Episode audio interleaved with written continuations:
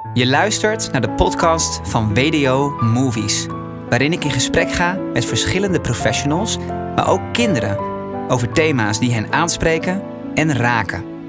Mijn naam is Joey Kugelman en ik wens je heel veel luisterplezier met de WDO podcast.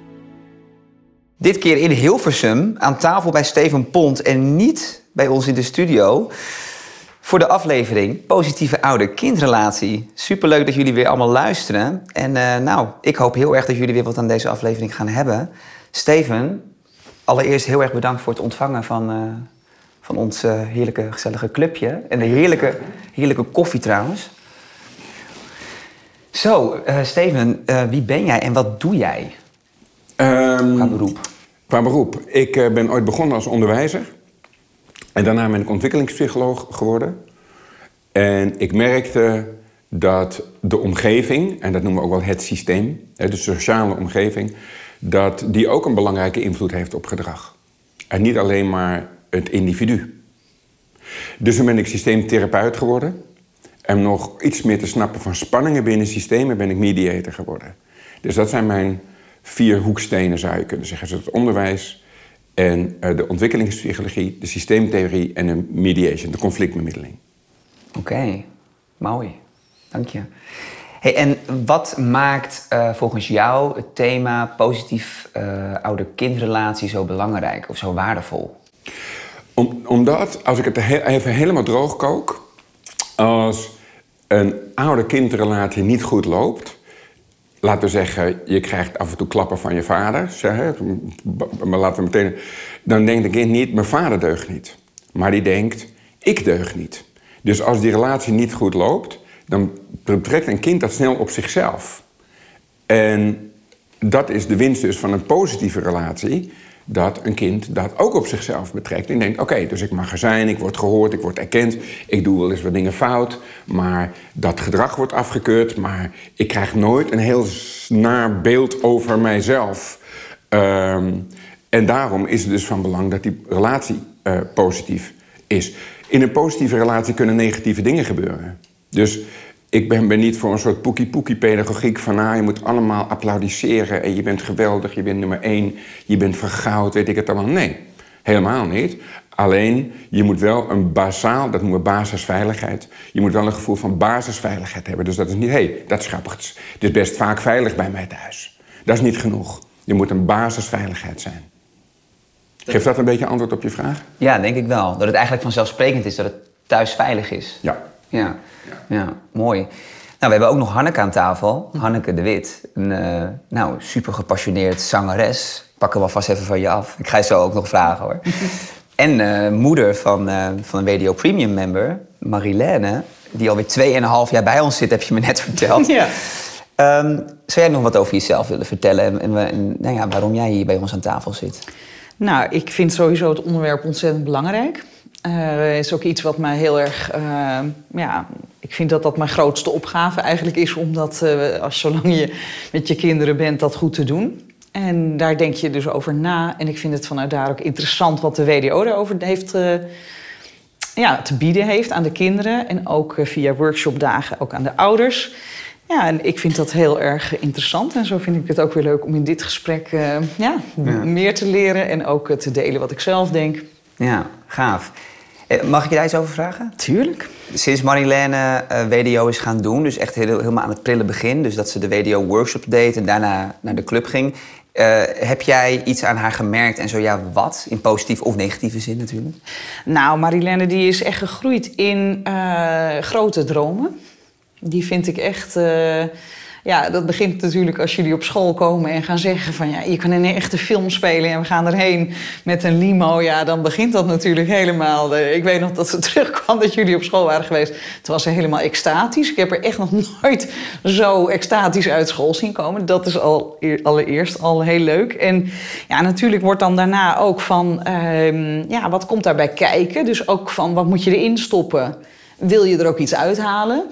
Eh, maar het basale idee van eh, je onderscheid je prestatie of je resultaten van ja, wie je al bent.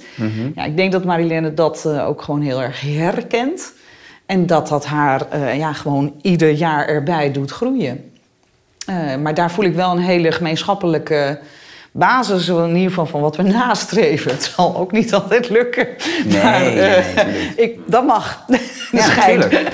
Ja, ja, dat vind ik ook. Jij ook? Zeker? Ja. Zeker. Ja. ja, ik denk ook dat het dan heel waardevol is dat, dat, dat ook dat bespreekbaar wordt gemaakt met het kind. Van ja, dat deed eh, papa echt heel, heel onhandig vanmorgen, sorry. Maar dat je het dan ook echt meent natuurlijk. Ja, zeker. Ja, Ja hoor. Gewoon ik zeggen, hè?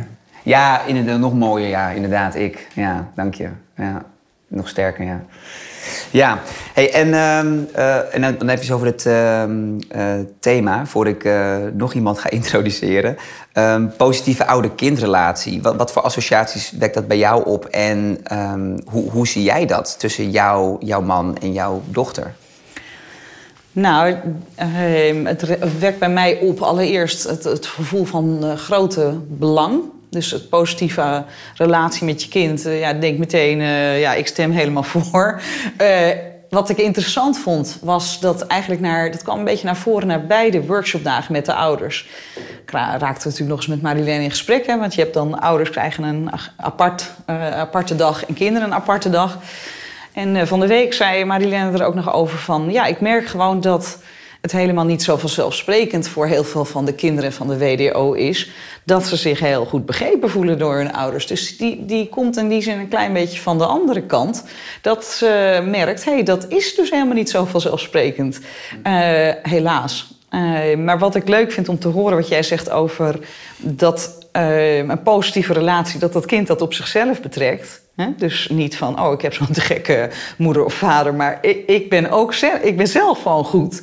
Ja, ik denk dat eh, dat, dat heel erg eh, fijn is om te merken. Maar ook wel eens, eh, ze komt nu in een leeftijd, hè, zit net op de middelbare school, dat ze ook wel gaat zien van, oh, dat, dat hoe je dat zelf gewend bent niet standaard is. Ehm, maar dat vind ik ook wel heel mooi. Ook voor kinderen die misschien daarin net wat minder makkelijke route lopen. Dat ze ook wel gaan zien, hey, het kan misschien ook wel allemaal anders. Waardoor ook ehm, dat gesprek misschien meer op gang kan komen. En ja, jullie geven heel duidelijk aanleiding om het gesprek ook te voeren. Ja, nou, gelukkig maar. Ja, Mooi. dus dat, eh, dat zie ik heel positief in. En ook het verschil, bijvoorbeeld eh, waar ze me wel eens op wijst, Marilène... dat eh, als ik dan inderdaad zeg van, eh, ja, je bent ook... maar ik kan Marilène zeggen dat ze naar boven gaat voor drie dingen. Pak je, hè, poets je tanden, pak je schoenen en nog iets. En nou, dan ben je blij als er naar beneden komt en een van de drie gelukt is. En als ik dan zeg, ah, Marilène, ja, waarom ben je nou zo vergetenachtig of zo? Dan zegt ze altijd, nee, ik ben niet vergetenachtig, ik, ik, ik, ik doe iets vergetenachtigs. Oh, dus altijd maar het verschil tussen zijn en doen. ja. En eh, ja, ik, ik moet daar wel eens om lachen, omdat ik dan denk, ja, ik bedoel hetzelfde. Maar het is toch ook belangrijk dat je in je taalgebruik ook heel goed kijkt naar, ja, zeg ik echt wat ik bedoel? En komt dat ook eh, dusdanig over? Ja, ja, ja, ik denk zeker dat zij de potentie in zich heeft om te werken aan die vergeetachtigheid. Dus om die vaardigheid Zeker. te verbeteren. En dat is niet iets wat zij is. Dat is nee, niet iets wat maar ze dat, dat is heeft. ook niet wat ik denk op het moment dat ik even de verkeerde Ja. werkwoord gebruik. Ja. Maar, maar Ja, gewoon om maar gewezen te worden door je dochter. Hè, dus Ja. zal ik ook, eh, ze zegt het ook wel eens als ik dat tegen Matthijs zeg, eh, mijn zoontje. Dus ik moet daar altijd om lachen. Dan denk ik, ja, Ja. ja eh, ouders moeten leren ook bij. ja, mooi. Ja, ja, je leert minstens, ik denk nog wel meer van je kinderen dan andersom, denk ik. En zeg jij het ook wel eens tegen haar? Als zij het verkeerd zegt, bedoel je dat? Nou, verkeerd als zij eh, iets in, in datzelfde domein hè, Ja. dus zegt. Ja. En je zegt nee. Ja, dat, dat, nou, ik, ja ik, ik, ik vrees eerlijk gezegd dat zij mij er vaker op wijst dan andersom. Omdat ze dat ook wel heel erg goed eh, te pakken heeft. Vanochtend, eh, toen ik wegging hier naartoe, zei ik ook nog van... Marilène, wat vind jij nou je grootste... ah Ja, wat, wat, wat is nou het mooiste van de WDO? Wat, wat, en toen zei ze ook van, eh, dat, ik, eh, dat ik altijd het gevoel heb dat ik al gelukt ben... en, eh, dat, ja, dat, ik dan, en dat ik groot kan dromen. Dat kwam maar zo bam in één keer uit, Ja. Joey. Dus dat is Ik toch mooi. een goede uitgenodigd vandaag. Ja, ik, maar het- Wauw, het- ja. ik, ik rapporteer wat ze zegt. Ja. Dat is niet verzonnen. Nee, nou mooi. Heel gaaf. Hey, en Steven, ehm, een, vraagje eh, daarover nog, eh, die in me oppopt als ik zo luister. Ehm, want eh, Hanneke zegt dus net dat het dus bij Marilène nu een soort inzicht is dat ze creëert van het is helemaal niet vanzelfsprekend dat ieder kind altijd dat luisterende oor of die vanzelfsprekende veilige omgeving thuis kan vinden. Ehm, wat kunnen ouders doen om zo'n positieve ouder-kindrelatie te creëren? Want er zullen misschien ook wel ouders zijn die dit nu luisteren, die denken: Goh, dit is wel even een eye-opener, want er is veel te veel conflict bij ons thuis. Of er, er, heerst veel te veel spanning. Of, oh, nu poppen er ineens tien andere vragen op. Nou, die bewaar ik even. Ehm, maar, zeg maar ten eerste, wat, wat, wat kunnen um, ouders doen, zeg maar, waar te beginnen, bij wijze van spreken? Ja. Ik zou zeggen bij je taalgebruik. Dus uh, als je kind de jas niet heeft opgehangen, zeg maar wat, hè, mm dan kun je daar natuurlijk op heel veel verschillende manieren taal aan geven. En met alles wat we tegen een kind zeggen, daarmee zeggen we iets tegen het kind, maar we zeggen ook iets tegen het kind over het kind. En dat is dat taalgebruik. Dus in uh, elke boodschap zit een inhoudelijk deel en er zit een betrekkingsdeel. En het inhoudelijk deel, stel ik zeg tegen jou, en ik ga je nu even beledigen, maar ik denk dat je het kan hebben. Uh, ik zeg, hé hey, uh, Eikel, doe dat raam even open. Dan is het helder dat ik het raam open wil. Ik kan zeggen, hey Joey, zeg het raam even voor me open willen doen dan begrijp je dat het inhoudelijke deel is precies hetzelfde. Maar het betrekkingsdeel is heel anders. Omdat in je woordkeuze maak je een relatiedefinitie. En die relatiedefinitie, die voel je al in het eerste geval of het tweede geval. Dus het inhoudsniveau is hetzelfde. Maar de relatiedefinitie is totaal verschillend. Namelijk, hè, ik neem aan dat je wat anders uh, voelde in het eerste geval dan in het tweede geval. Oh ja, Namelijk zeker. verstoting of omarming. Ja. En, en vragend. En ja. tweede, ja. ja. Nou, maar het gaat om je gevoel. Hè? Dus dat je, je. In het eerste geval hield het je niet heel. En in het tweede geval hield, maar, hield het je wel heel. Dus het gaat niet zozeer om die jas die niet op de kapstok hangt. Maar de vraag is: hou ik je heel of hou ik je niet heel? En, op, en uh, niet, dus bijvoorbeeld cynische humor. Hou je iemand niet heel? Humor zelf wel. Ja. Hè?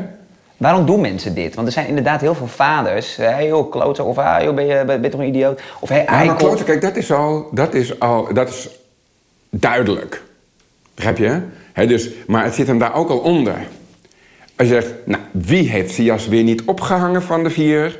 Oh ja. Begrijp je? Ja. Dus, uh, uh, dus, he, dus het, het zit hem ook onder het klootzakniveau, om het zo maar even te zeggen, waar het heel helder is. Hè? Dus, uh, je hebt vier kinderen en dan... Nou, okay. Wie denken jullie, dan voel je al... Ja, hier op het betrekkingsniveau, hè, op hoe de relatie hier geregeld wordt... wat dit kind over zichzelf te horen krijgt... naar aanleiding van de jas, het inhoudelijke niveau... Mm dan uh, begrijp je wel dat dat, dat dat kind niet voelt... ik word heel gehouden. Terwijl als je zegt, kom eens, kom eens, kom even van de bank, ik wil je wat laten zien. En je loopt naar de kapstok en je zegt, wat valt jou op? ja, mooi, mooi. Begrijp je? Dat is net zo goed. Ja. He? Dus jullie he, is ook uh, een beetje keten met elkaar. Ja. Wat valt jou op? Ja. Je zegt, uh, nou, dus je... En dan laat ik mijn dochter heel. Maar de boodschap is hetzelfde. Ja. He, we hebben drie communicatiekanalen. Ja. En, namelijk de verbaliteit mm -hmm. en de non-verbaliteit. Mm -hmm. dus ook hoe je je hoe je je lijf houdt. Hè? Of je, daarom zeg ik altijd tegen ouders, als je ergert, kan eerst, eerst, je, eerst je lijf.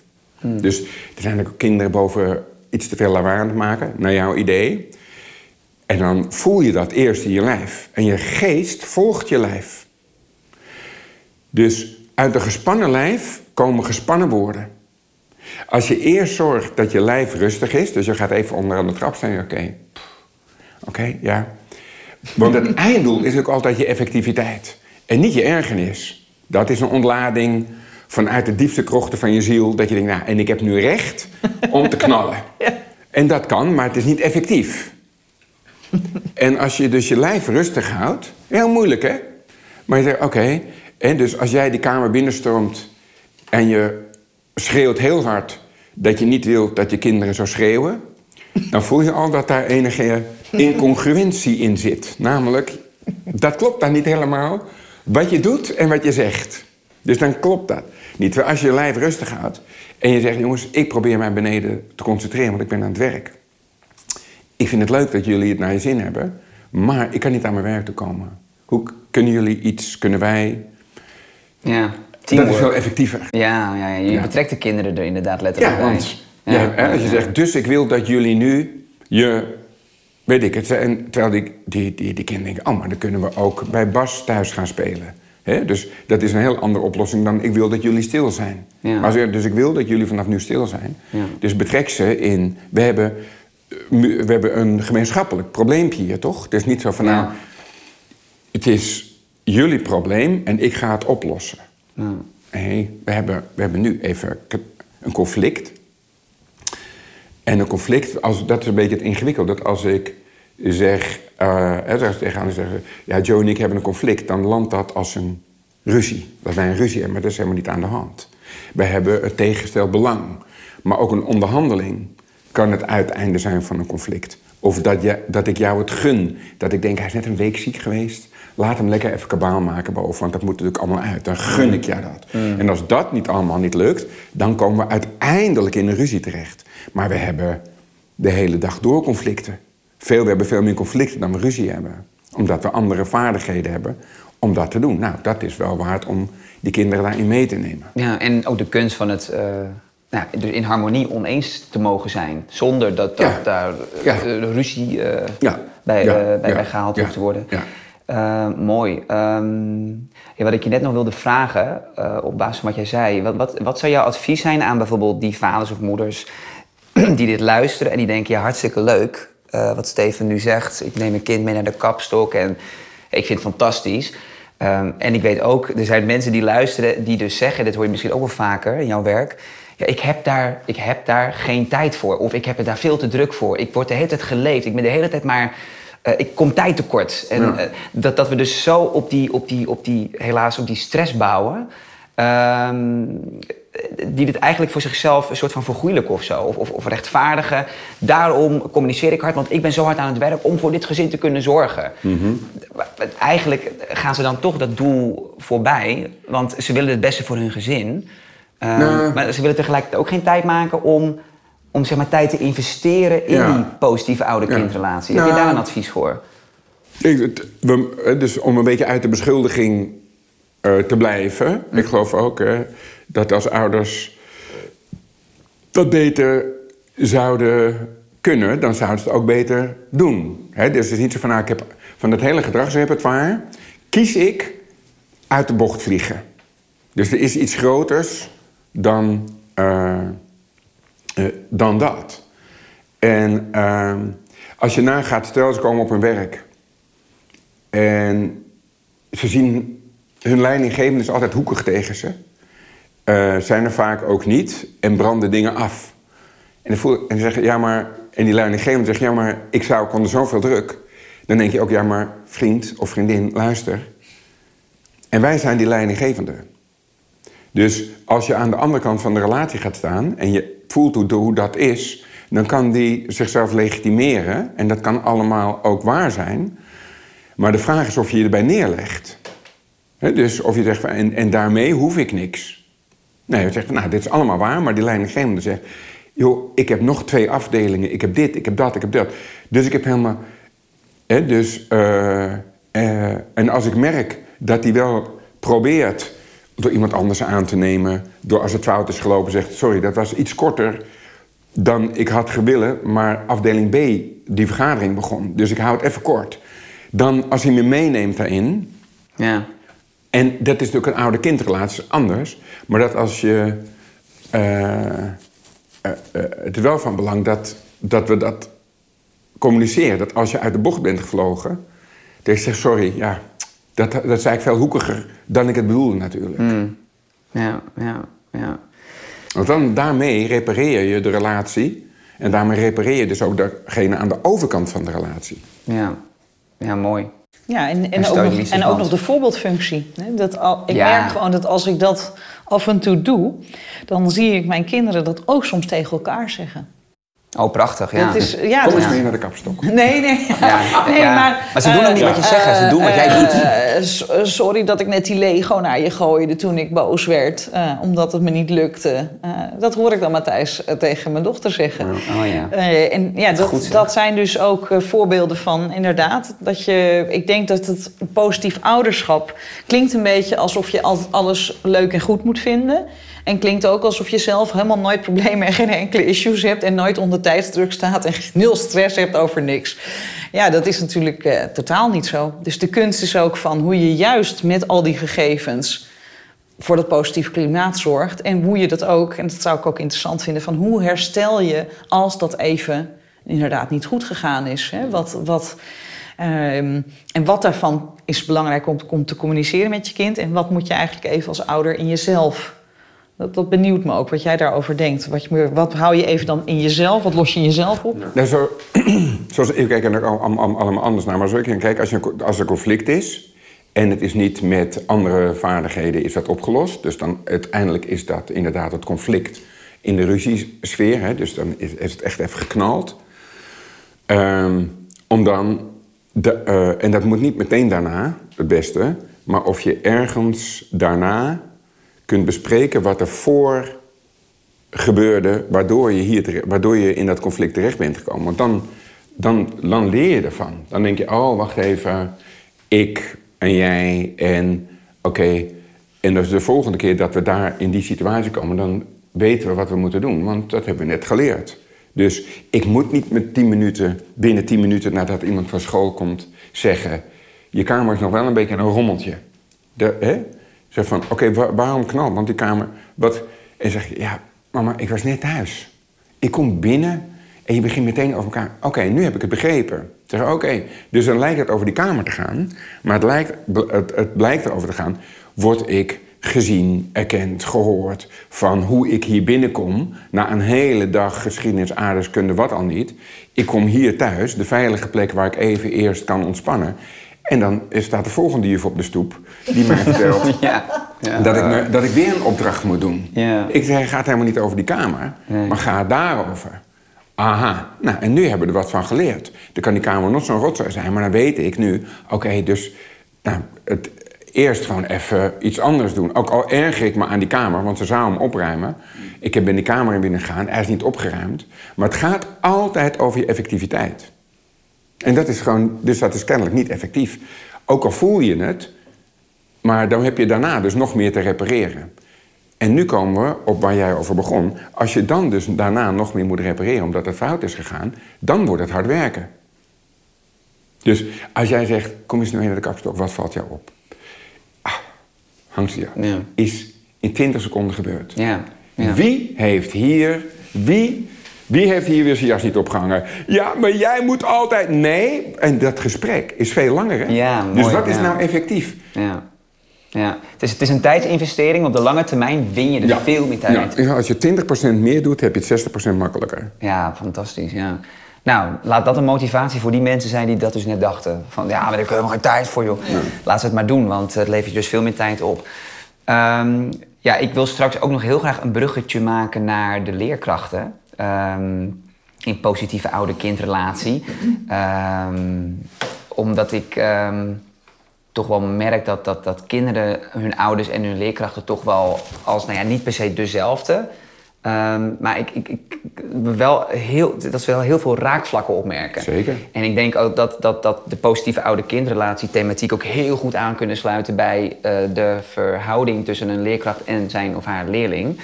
Ehm, maar voor we dat gaan doen, ehm, wil ik straks heel graag nog een keertje naar Hanneke gaan.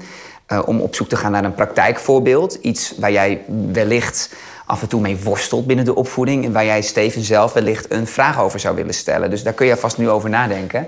Want ik wil nog iemand introduceren, namelijk Melle Lingerak van Team WDO. Die is gewoon ineens random aanwezig hier bij de podcast. Hoe leuk, je bent gewoon spontaan aangesloten. Yes. Ehm, want ehm, we gaan het ook heel even kort over, over jouw ehm, band met jouw ouders hebben. En ook een beetje terugblikken op jouw jeugd. Ja. En eh, het hebben over eh, een aantal dingen die jij nou, misschien wel liever anders had gezien als kind nu achteraf. Ehm, Maar zou je ook heel kort nog iets, iets over jezelf willen vertellen en over wat je nu allemaal doet en hoe jij bij WDO terecht bent gekomen? Ja, ik, uh, ik ben dus Melle en ik ehm, heb in de Premium Club gezeten tot mijn achttiende. Vanaf mijn vijftiende of veertiende, denk ik. Mm en ben daarna altijd met Joey blijven werken. tot eigenlijk, nou ja, eigenlijk afgelopen maand. Nou, we blijven nog steeds samenwerken, maar we moeten het helaas flink afbouwen, omdat ik eindelijk mag beginnen met een studie. En dat is een, een, een, theaterstudie, cabaret en kleinkunst. Dus, ja, mooi man. Daar ben ik heel erg blij mee. Ja. ja. En ehm, wij uh, hebben besloten dat ik wellicht uh, de, de andere kant een beetje zou kunnen uitlichten van de oude-kindrelatie. Omdat het voor mij natuurlijk nog heel vers is. Ik ben 21. Uh, dat is relatief kort geleden. en nog steeds aan de hand trouwens. Um, en ja, het is, een, het, is, het is een vrij ingewikkelde grondhouding dat mijn ouders gescheiden zijn toen ik vier was. Uh, dus dat zorgt voor een hele andere uh, band met je ouders sowieso al. Um, en, maar er heeft voor mij ook wel heel erg een, een, een shift plaatsgevonden. Vooral in de relatie met mijn vader. Um, door inzichten die ik zelf heb verworven, zeg maar. Okay. Um, ehm, ik heb eerst... Ik had een, ik had een vrij, ik had een vrij slechte band met, met mijn vader, zou je kunnen zeggen. Ik, uh, ik zag mijn vader om het weekend. Ik was anderhalve week bij mijn moeder en om het weekend bij mijn vader. Dus ik ja, begon een beetje het gevoel op, op te bouwen dat ik, dat ik zonder mijn vader aan het opgroeien was. Dat ik, hem, ik heb hem best wel veel gemist in mijn, in mijn opvoeding. Um, en ja, dat heeft wel gezorgd voor bepaalde conflicten. Als wij dan wel bij ons vader waren, dan waren we met zes kinderen. Met ook de drie kinderen van zijn nieuwe vriendin. Um, dus ik heb ook veel één op één tijd gemist met mijn vader. En dat heeft wel voor een uh, bepaalde band gezorgd natuurlijk. En um, ja, het is ook een patroon wat leeft in onze familie tussen vaders en zoons. Mijn opa had een hele slechte band met zijn vader. Mijn vader had een slechte band met mijn opa. Um, en ja, mensen voelen zich uh, uh, uh, vertrouwd binnen een bepaald patroon natuurlijk. Dus best moeilijk om te doorbreken. Um, maar gelukkig ben ik tot dat inzicht gekomen en ben ik dat patroon aan het doorbreken. Dus ik heb nu eigenlijk echt een hele goede band met mijn vader. Ondanks dat ik hem nog steeds weinig zie. Mm. Maar dat is echt. Uh, en dat komt bij jou vandaan? Dat komt wel bij mij vandaan, ja. ja. Mijn vader staat er zelf ook wel constructief in, maar uh, uh, staat minder in contact met zijn gevoel dan ik. Of in ieder geval kan dat minder goed uitdragen dan ik. Mhm.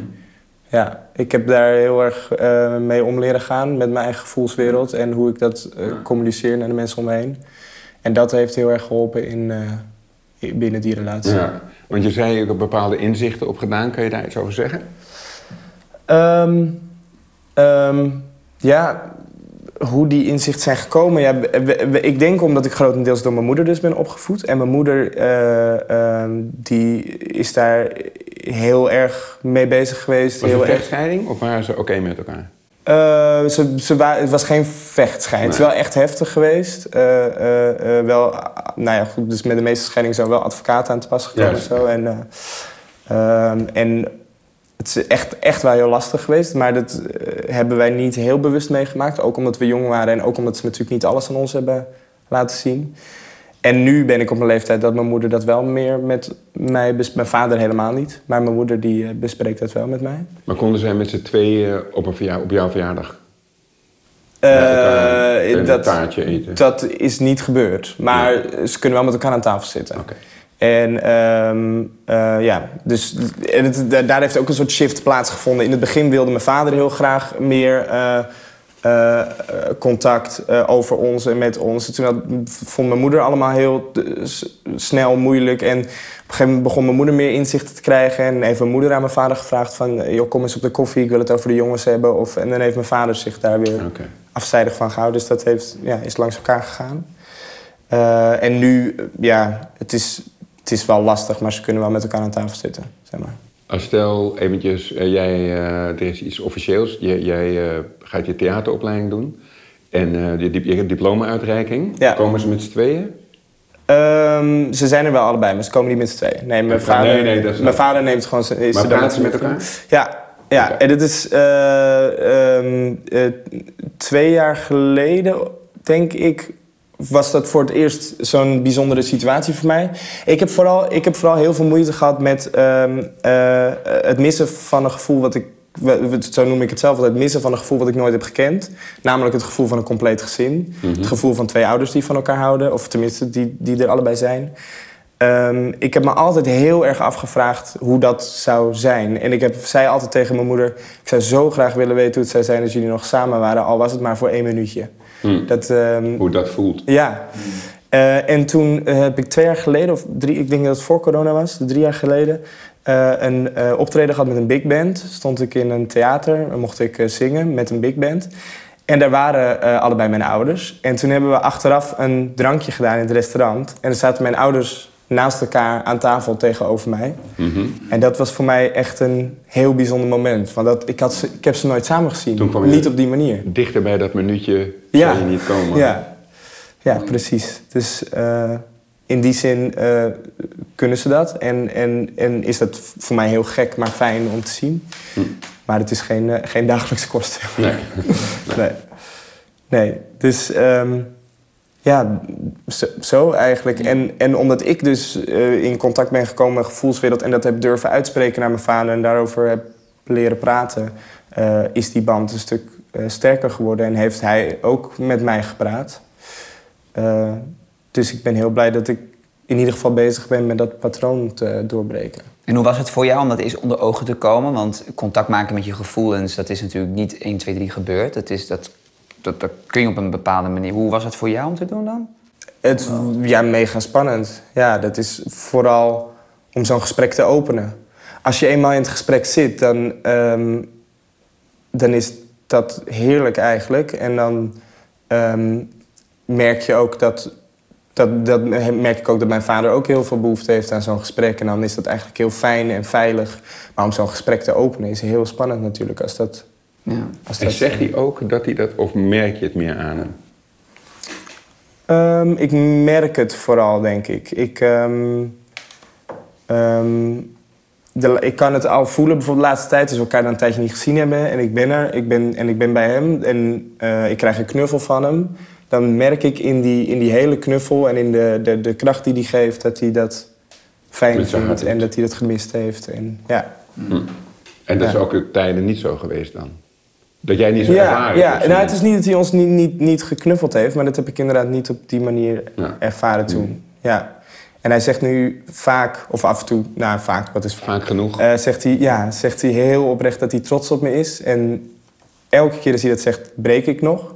Niet, niet bij hem altijd, meestal als hij de telefoon heeft opgehangen dan. dan breek ik. Ja. Dus ja, dat is, is nog steeds heel bijzonder voor mij. Of, En wat breekt er dan, denk je?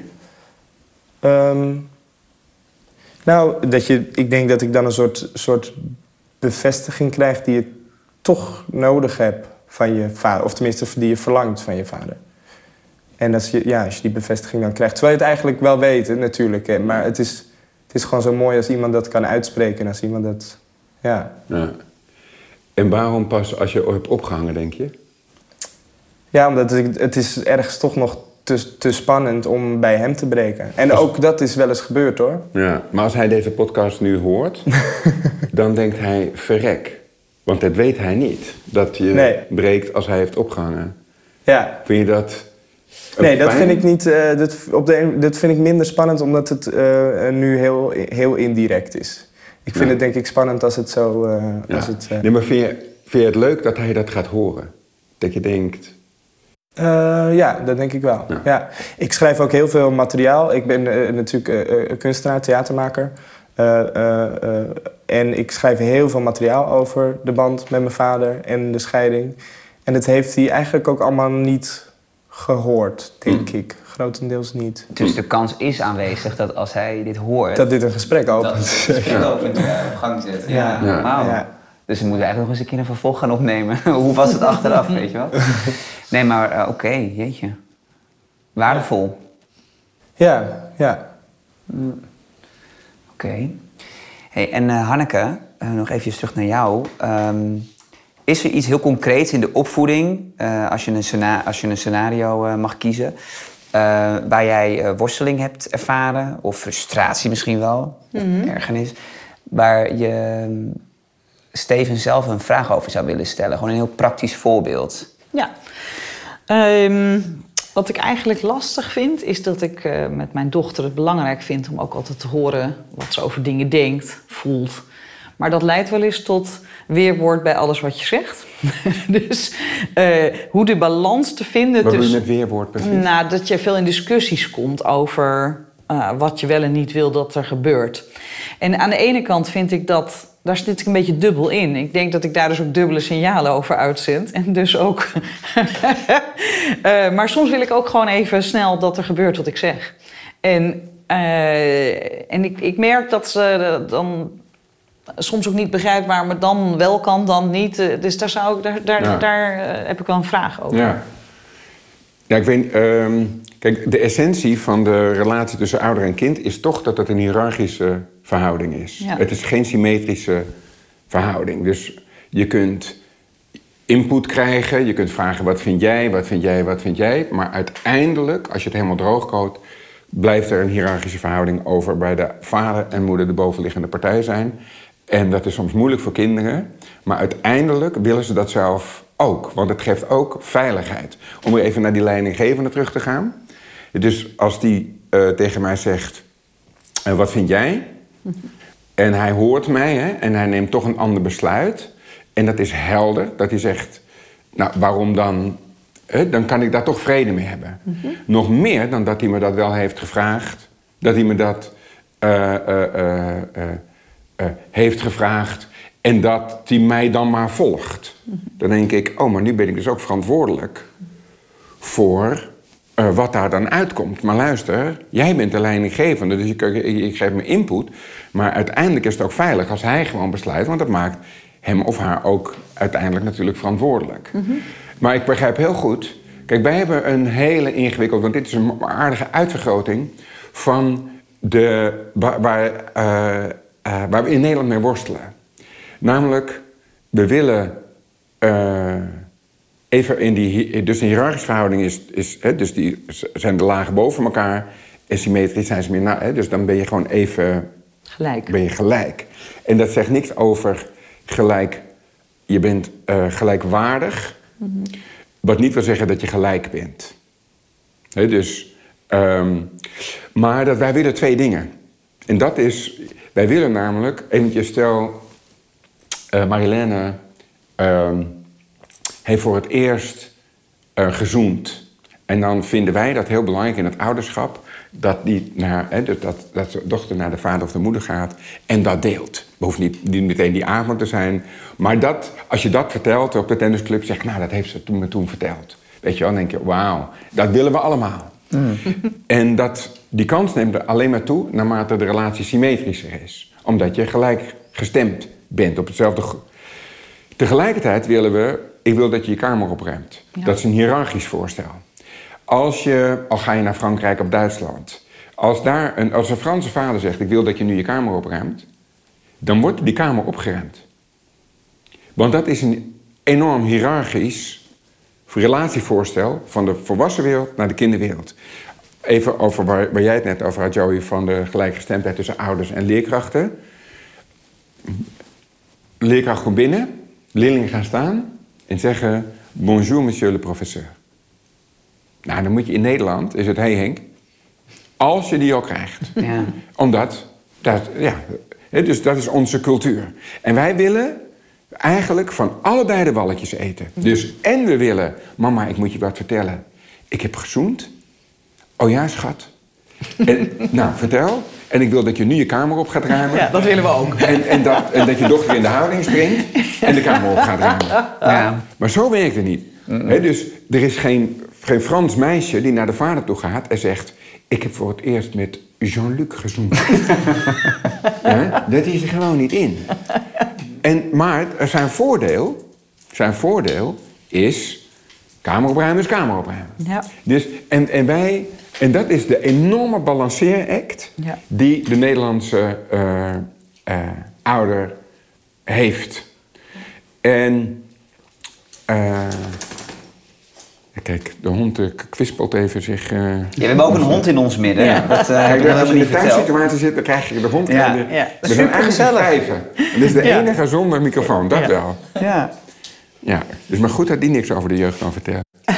oh, even de... Ja, gaat u maar. Oh. Nee, maar ik, dat, is, dat is precies een beetje het, uh, het dilemma. Ik kan ook nog wel een mooi voorbeeld geven wat uh, heel vers is. Uh, maar nou, mag ik nog iets tussen parkeren? Ja, Vind je dat ja, oké? tuurlijk. Heel kort, want, want hoe, hoe kunnen we dit nou het beste klaarspelen? Dit, dit dilemma, zeg maar. Dat, dat, dat, dat balanceren tussen die twee nou ja, wallen. Ja, daar accepteren dat je van allebei niet helemaal... Dus wij nemen een soort tussenpositie in. Ja? Ja, ja en dat is dus de worsteling die wij uh, hebben. En die accepteren. Dit is, dit is het relatievoorstel van de gemiddelde Nederlandse ouder naar het gemiddelde Nederlandse kind. Er zijn ook he heel erg hiërarchisch georiënteerde, autoritaire ouders. He, dus bijvoorbeeld veel in, in, uh, uh, in strakke geloofsgemeenschappen bijvoorbeeld. Mm. Waar ook nog u wordt gezegd. Daar zijn we natuurlijk ook van afgestapt. En uh, meneer Van Dam is meester Henk geworden en daarna Henk. He, dus, uh, dus het accepteren dat dat onze worsteling is. En dat we hopen dat we, dat we die balanceeract, dat we die zo goed mogelijk doorkomen. Het is ook het gouden midden. En dus, het, dus we hebben hier autoritair, helemaal aan de ene kant van het uiterste... en helemaal aan de andere kant van het uiterste. Dat noemen we de laissez-faire, dus dan laat maar waaien. En dat is ook heel onveilig voor kinderen. He, want het is allemaal goed. Is nee, allemaal verschrikkelijk, ja. Dus hier, dus aan de uiterste, ligt nooit het goud, zou je kunnen zeggen. Hè? In de, dus het ligt ergens in de balanceer daartussen. Ja. En balanceren is moeilijk. Het is heel makkelijk om hiërarchisch te zijn. Als, het is een heel, heel eenduidig zwart-wit beeld. Aan de andere kant is het ook heel duidelijk. Dus je zit tegen verwaarlozing aan. Hè? Van nee, ik vind het allemaal goed. Ja, het is allemaal goed. Het is allemaal goed. Ja. ja? Dus bij ouderschap is een balanceeract. Ja. En je weet, uh, balanceren is af en toe vallen. Ja. In zwart-wit wereld val je niet. Want dat is gewoon ijzeren geheinig. Dat is marcheren. Maar wij willen niet marcheren, wij willen dansen. Mm. En dat is een ander verhaal. Want dan maar heb het is ook, dus ook een balanceeract eigenlijk voor je kind, hè, die daarin ook denkt van, Zeker. hè, Ja. maar nou, Ja. dit was toch mijn leuke lieve moeder eh, met wie ik altijd zo Ja. fijn me voel en nou opeens is ze streng en eh, dat is dus denk ik voor beide partijen Ja. een, balanceeract. De En, je, ideale- en je valt Ja. ook wel eens op een ander moment. Ja. Hè? Ik denk in die ideale wereld heb je dus een, een leider die dus, die dus eh, nou ja, altijd een kalme grondhouding heeft. Dat is natuurlijk wat een leider symboliseert. Die dus heel duidelijk eh, de grenzen stelt. En naarmate het kind ouder wordt, die grenzen steeds meer uitbreidt. Maar het ook een eh, luisterend oor voor je kan zijn. Dus Wat wij dus niet wil ook... zeggen dat er gebeurt wat je dan hoort. Sorry? Wat niet wil zeggen dat er dan ook gebeurt. Dus je haalt informatie op bij je, bij je kind. Ja. Maar dat wil niet zeggen dat je die informatie als enige leidraad neemt. Ja, ja nee, zeker. Nee, dat is inderdaad ook zo, eh, afhankelijk van de context. Maar bijvoorbeeld dat, dat Jean-Luc verhaal van jou, van ik heb gezoend, weet je wel. Dat, Ja. dat, dat zo'n leider daar ook lekker naar kan luisteren en kan meevieren in het succes. Ja. Of misschien wel kan meejammeren van, oh wat jammer dat Jean-Luc zo, zo vies kuste. Oh wat jammer, wat een tegenval. Of, Of wat jammer dat het Jean-Luc was. of wat jammer dat het Jean-Luc was. Als dat kind het natuurlijk ook vindt. Dat, dat, dat, dat is- nee, ik heb mijn ogen open ineens was het Jean-Luc. Ja. Ik, dacht- een ik dacht dat het Gaston zou zijn. maar ja, dus... dus ehm, ehm, eh, en, Maar- en ook wat je zei, niet, niet te veel pleasen. Want dat, dat worden later die volwassenen die hun ouders haten... omdat ze alles maar mochten en geen ouder hadden die zich zorgen om me maakte. Van ja, ik ben schijnbaar zo onbelangrijk, want ik mocht alles maar. Maar weet je, als ik dan toch nog mijn voorbeeld mag geven, want misschien Ja, dat we dan concreter nog ernaar kunnen kijken. Want Mooi. het was een voorbeeld wat ik echt wel ingewikkeld vond. Zij vertelde mij deze week, hè, ze is net begonnen met fietsen naar de middelbare school. Nou, dat is een half uurtje fietsen en dat is ook een tijdje door, eh, door wat sa- saaiere eh, graslanden. En eh, ja, zei ze, ja dan zet ik op mijn telefoon mijn serie aan en ik luister. En ja, kijk niet zo erg hoor, want ze dachten wel van, oh god, dan gaat mijn moeder natuurlijk zeggen van hey, het verkeer en zo. Maar en ik luister dan ook, ik kijk dan ook series die ik wel eens gezien heb en dan hoef ik ook niet zo te kijken en zo. En uh, ja, daar was ik toch niet helemaal blij mee. Want ik dacht, ja, wacht even. Uh, ik weet ook nog hoe... Uh, hè, het is dus niet zo'n hele alerte deel, deelnemer aan het verkeer nog soms. Van, nee, dat vind ik gevaarlijk. Um, dus ik zei, dat vind ik geen goed idee. Toen had zij zoiets van, ah, ik had nooit moeten vertellen. Ja. Nou, en daar kom je in die balans ja, tussen verticaal ja. en horizontaal. Deze podcast is onderdeel van de workshop van WDO Movies. Bekijk voor meer informatie onze website www.wdoic.nl of bekijk ons YouTube-kanaal, genaamd WDO Movies.